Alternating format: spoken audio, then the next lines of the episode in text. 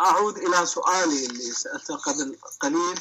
آه، نظرية الشورى عند أهل البيت عليهم السلام آه، تعتقد أنها النظرية آه، يعني أنها نظرية أهل البيت نعم. نظرية سياسية للأئمة عليهم السلام. وأنا أثرت أنه عفوا أشرت إلى ما ما يثار كثيرا عن يعني الأفكار اللي جنابك تتبناها أو اللي جنابك تطرحها أنها تفتقر إلى الأسانيد، على ماذا استند ال- الاستاذ الكاتب في أن نظرية الشورى هي نظرية أهل البيت عليهم السلام. نعم الآن بخدمتك. ولو هذا موضوع يعني ما كنت أنا محضر له سابقا ولكن بخدمتك الآن بلحظات أجاوبك على ما تطرح أستاذ هاي من يعني من كبريات ما تطرح على السؤال نعم نعم بخدمتك إن شاء الله. يعني أنا أقول أن نظرية أهل البيت هي الشورى وليست النص آه، النص من الله والوراثة العمودية أو غير العمودية في في أبنائهم. وهي النظرية التي نطبقها نحن الشيعة اليوم في إيران والعراق ولبنان وباكستان وفي كل مكان. لا توجد نظرية أخرى غير نظرية الشورى اللي تحولت وتطورت صارت نظرية ديمقراطية. آه، أنا أجيب لك بعض النصوص من الإمام علي عليه السلام. آه، كيف أنه كان يقول ذلك. آه، آه، بس لحظة إذا سمحت لي أنت لأنه يعني آه، فاجأتني فاجأتني بهذا السؤال. نعم الآن بخدمتك.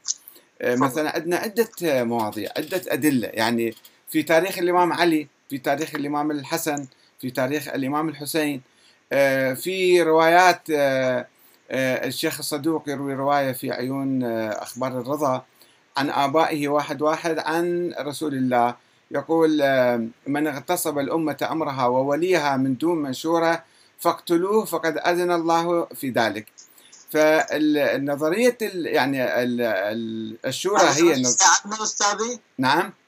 عن من هذه الرواية؟ عن رسول الله.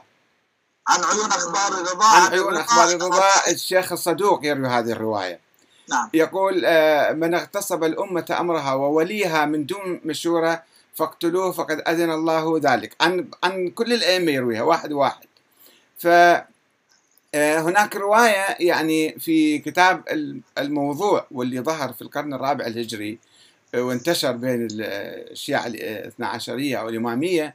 في رواية عن الإمام علي رغم أنه هو يحاول يثبت الإمامة ولكن في نص عن الإمام علي يقول الواجب في حكم الله وحكم الإسلام على المسلمين بعدما يموت إمامهم أو يقتل أن لا يعملوا عملا ولا يحدثوا حدثا ولا يقدموا يدا ولا رجلا ولا يبدأوا بشيء قبل أن يختاروا لأنفسهم إماما عفيفا عالما ورعا عارفا بالقضاء والسنة. وعندما أصبح الإمام علي هو حاكم قال له تعال أنت آه، مبايعك بعد مقتل عثمان. قال لهم إني لكم وزيرا خير لكم مني أميرا. إذا كان هناك نص وكان عليه من الله ما كان يقدر يقول لهم أنا لا أنا أصير وزير كان لازم يبادر بأخذ الحكم من عندهم. فبعد أنت سألتني موضوع هواي مهم وخطير وكبير فقال الإمام مثلا الإمام علي في عنده خطبة في نهج البلاغه وفي كتاب الكافي موجودة.